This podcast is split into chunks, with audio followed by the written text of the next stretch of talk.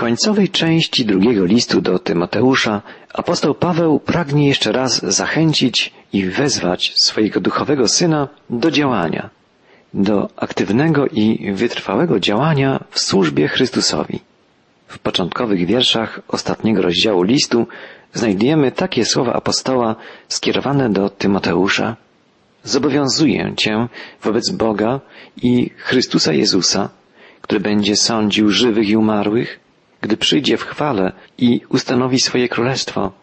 Głoś ludziom tę naukę z całą stanowczością, bez względu na okoliczności, przekonuj, udzielaj nagany, pocieszaj, a gdy nauczasz, bądź zawsze cierpliwy.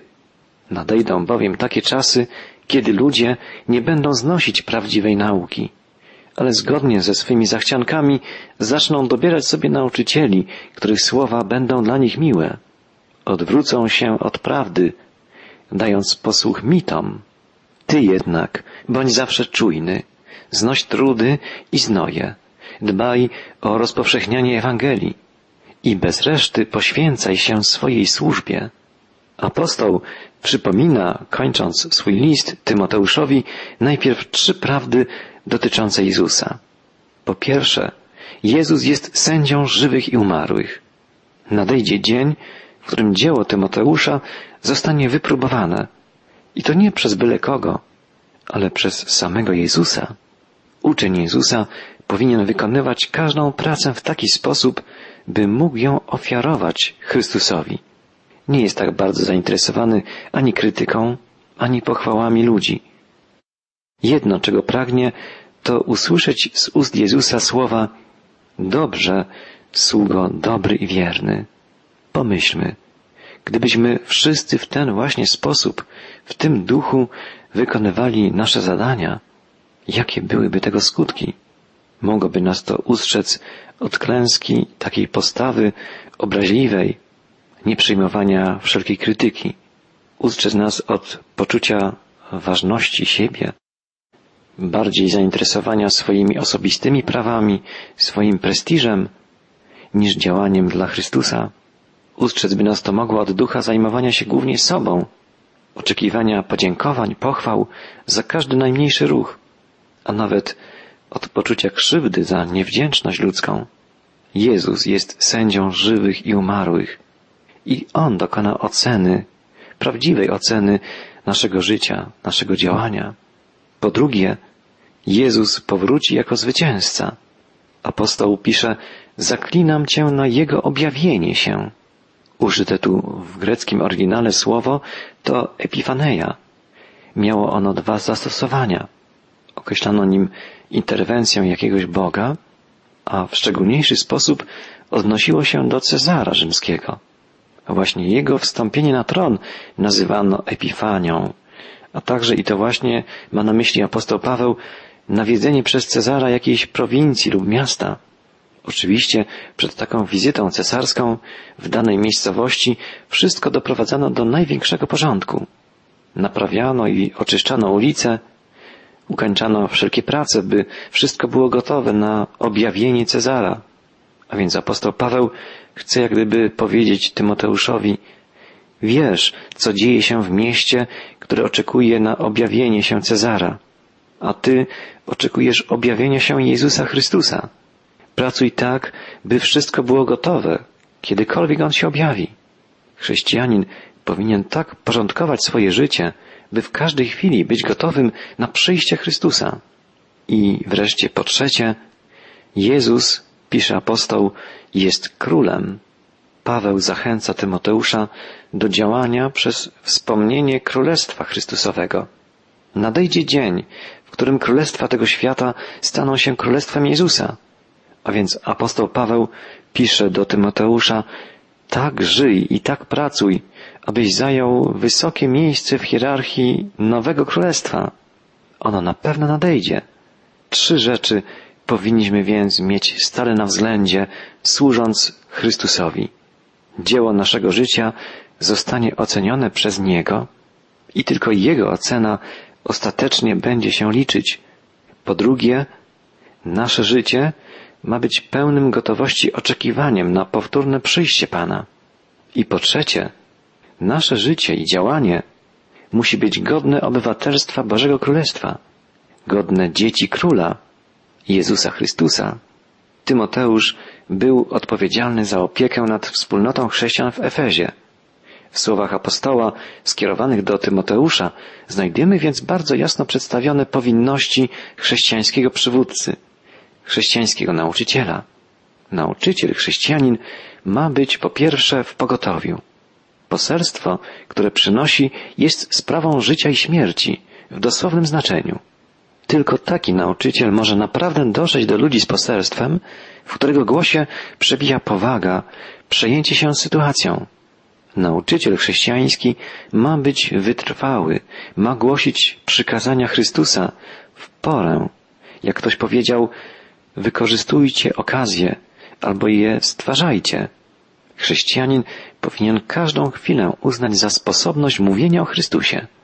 Nie oznacza to oczywiście, że nie powinniśmy dobierać okazji do mówienia, bo i w dziedzinie ewangelizacji, tak jak w każdej innej formie kontaktów międzyludzkich, powinna obowiązywać grzeczność, uprzejmość.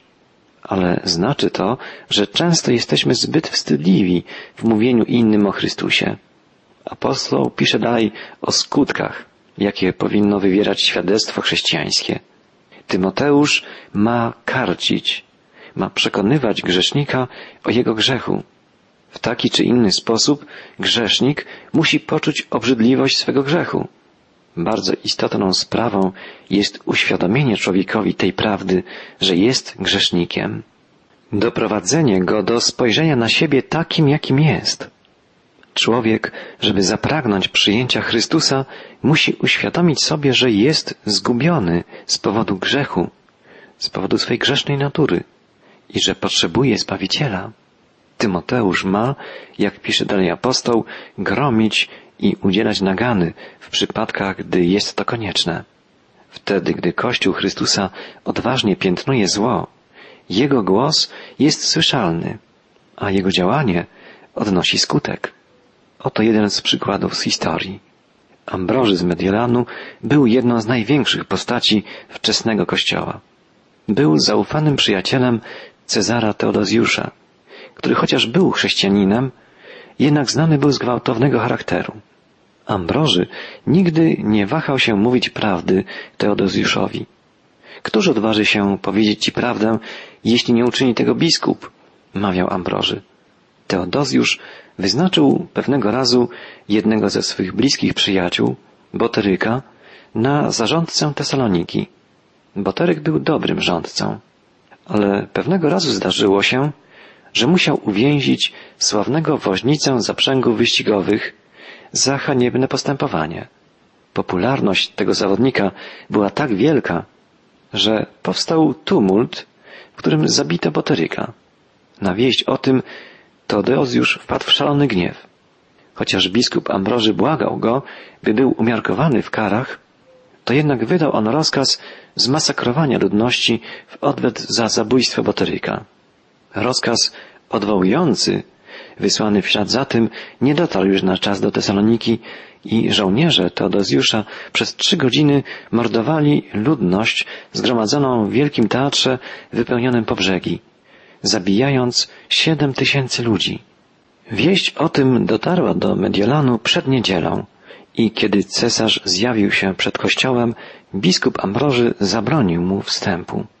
Imperator miał najpierw prosić Boga o przebaczenie. Po ośmiu miesiącach znów cesarz chciał wejść do kościoła i znów biskup Ambroży nie wpuścił go. Dopiero kiedy wraz z innymi pokutnikami leżał na ziemi, ukorzony przed Bogiem, mógł ponownie brać udział w nabożeństwach. W tamtych wielkich dniach Kościół był nieustraszony w karceniu grzechu.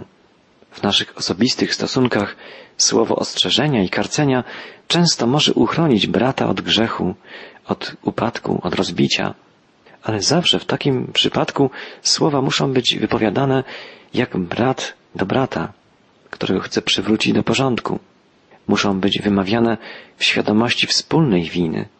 Nie do nas należy zajmowanie stanowiska moralnego sędziego nad drugim człowiekiem, ale naszym obowiązkiem jest wypowiedzenie słowa ostrzeżenia, wtedy, gdy jest ono potrzebne.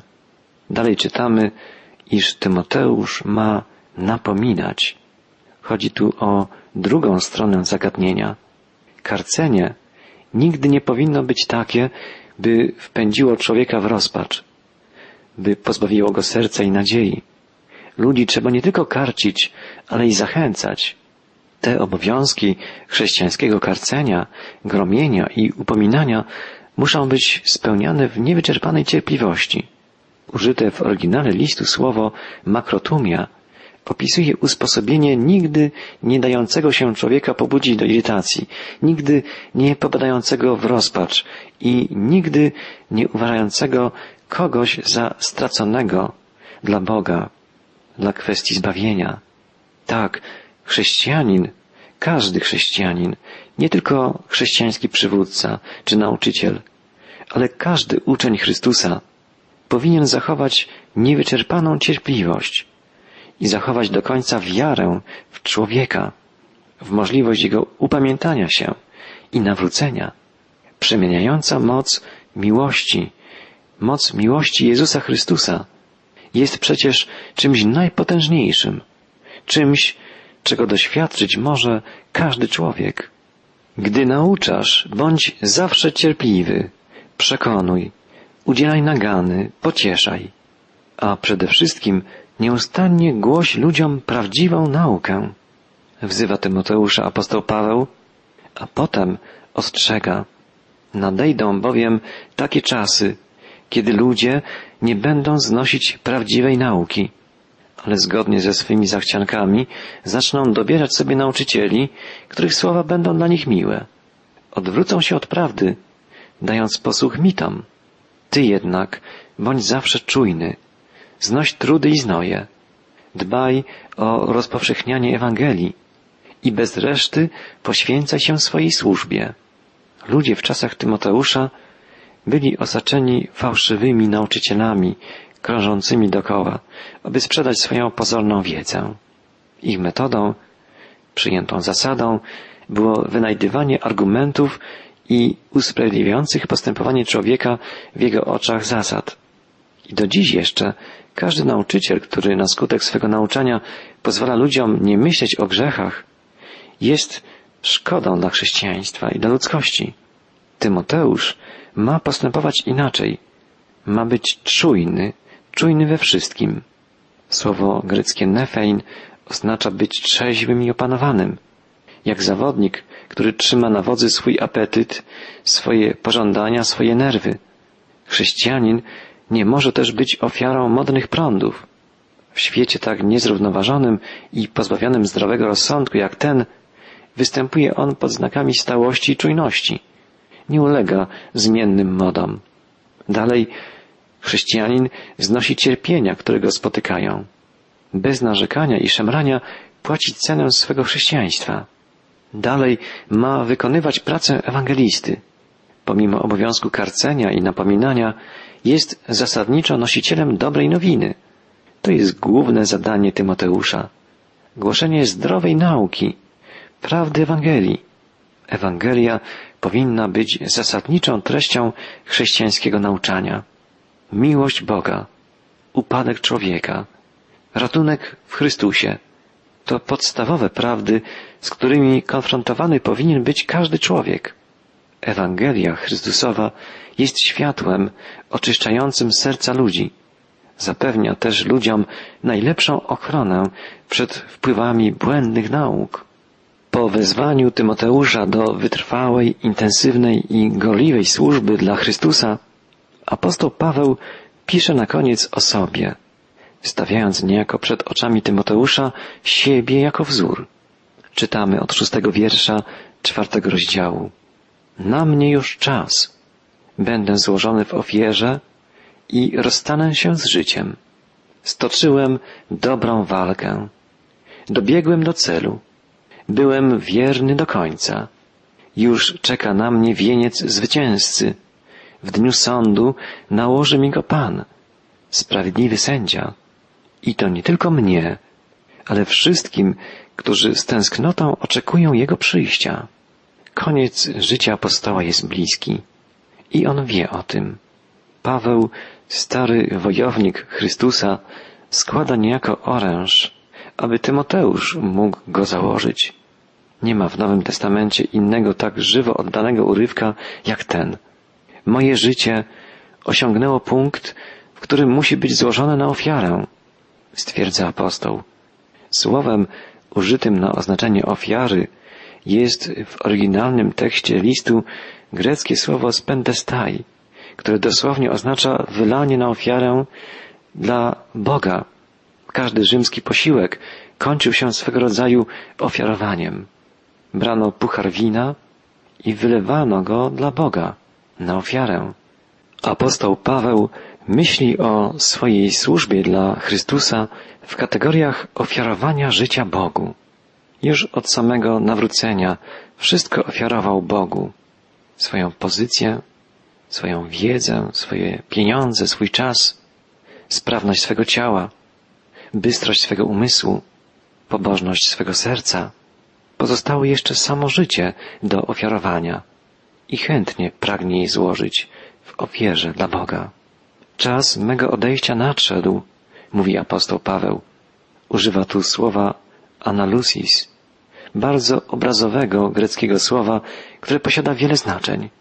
Używano je na przykład na opisanie zdjęcia jarzma ze zwierzęcia pociągowego, wyprzęgnięcie go z wozu czy spługa.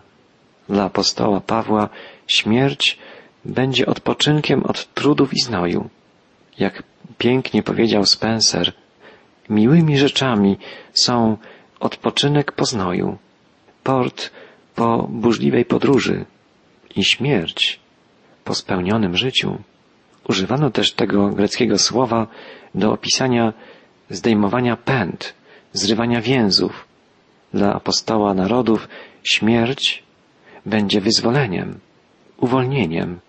Oznacza zamianę celi w rzymskim więzieniu na pałace niebios. Dalej używano też słowa greckiego analusis do opisywania rozluźniania sznurów namiotu. Dla apostoła nadchodzi czas zwinięcia namiotu. Wiele szlaków przemierzył zarówno po Azji Mniejszej, jak i po Europie. Teraz udaje się w ostatnią i największą podróż. Obiera drogę prowadzącą do domu Boga, domu Ojca. W końcu używano też słowa analusis, które znajdujemy w oryginale listu, na opisanie odwiązania lin cumowniczej statku czy łodzi. Wiele razy apostoł wypływał na głębokie wody. Teraz ma wypłynąć na głębię od wszystkich głębszą. Ma płynąć poprzez wody śmierci do niebieskiego portu wieczności. Tak więc dla chrześcijanina śmierć jest podobna do złożenia ciężaru i odpocznienia, do rozwiązania więzów i uwolnienia, zwinięcia namiotu, zwinięcia tymczasowego obozu i zamieszkania w niebie, w trwałym domu Ojca oraz odwiązania liny cumowniczej i wypłynięcia w podróż kończącą się zakotwiczeniem w Bożej, bezpiecznej przystani wieczności. Jest więc śmierć dla człowieka prawdziwie wierzącego wkroczeniem w nową rzeczywistość. Rzeczywistość Bożego pokoju, Bożej obecności. Jest zanurzeniem się w niekończącej się i ogarniającej wszystko Bożej miłości.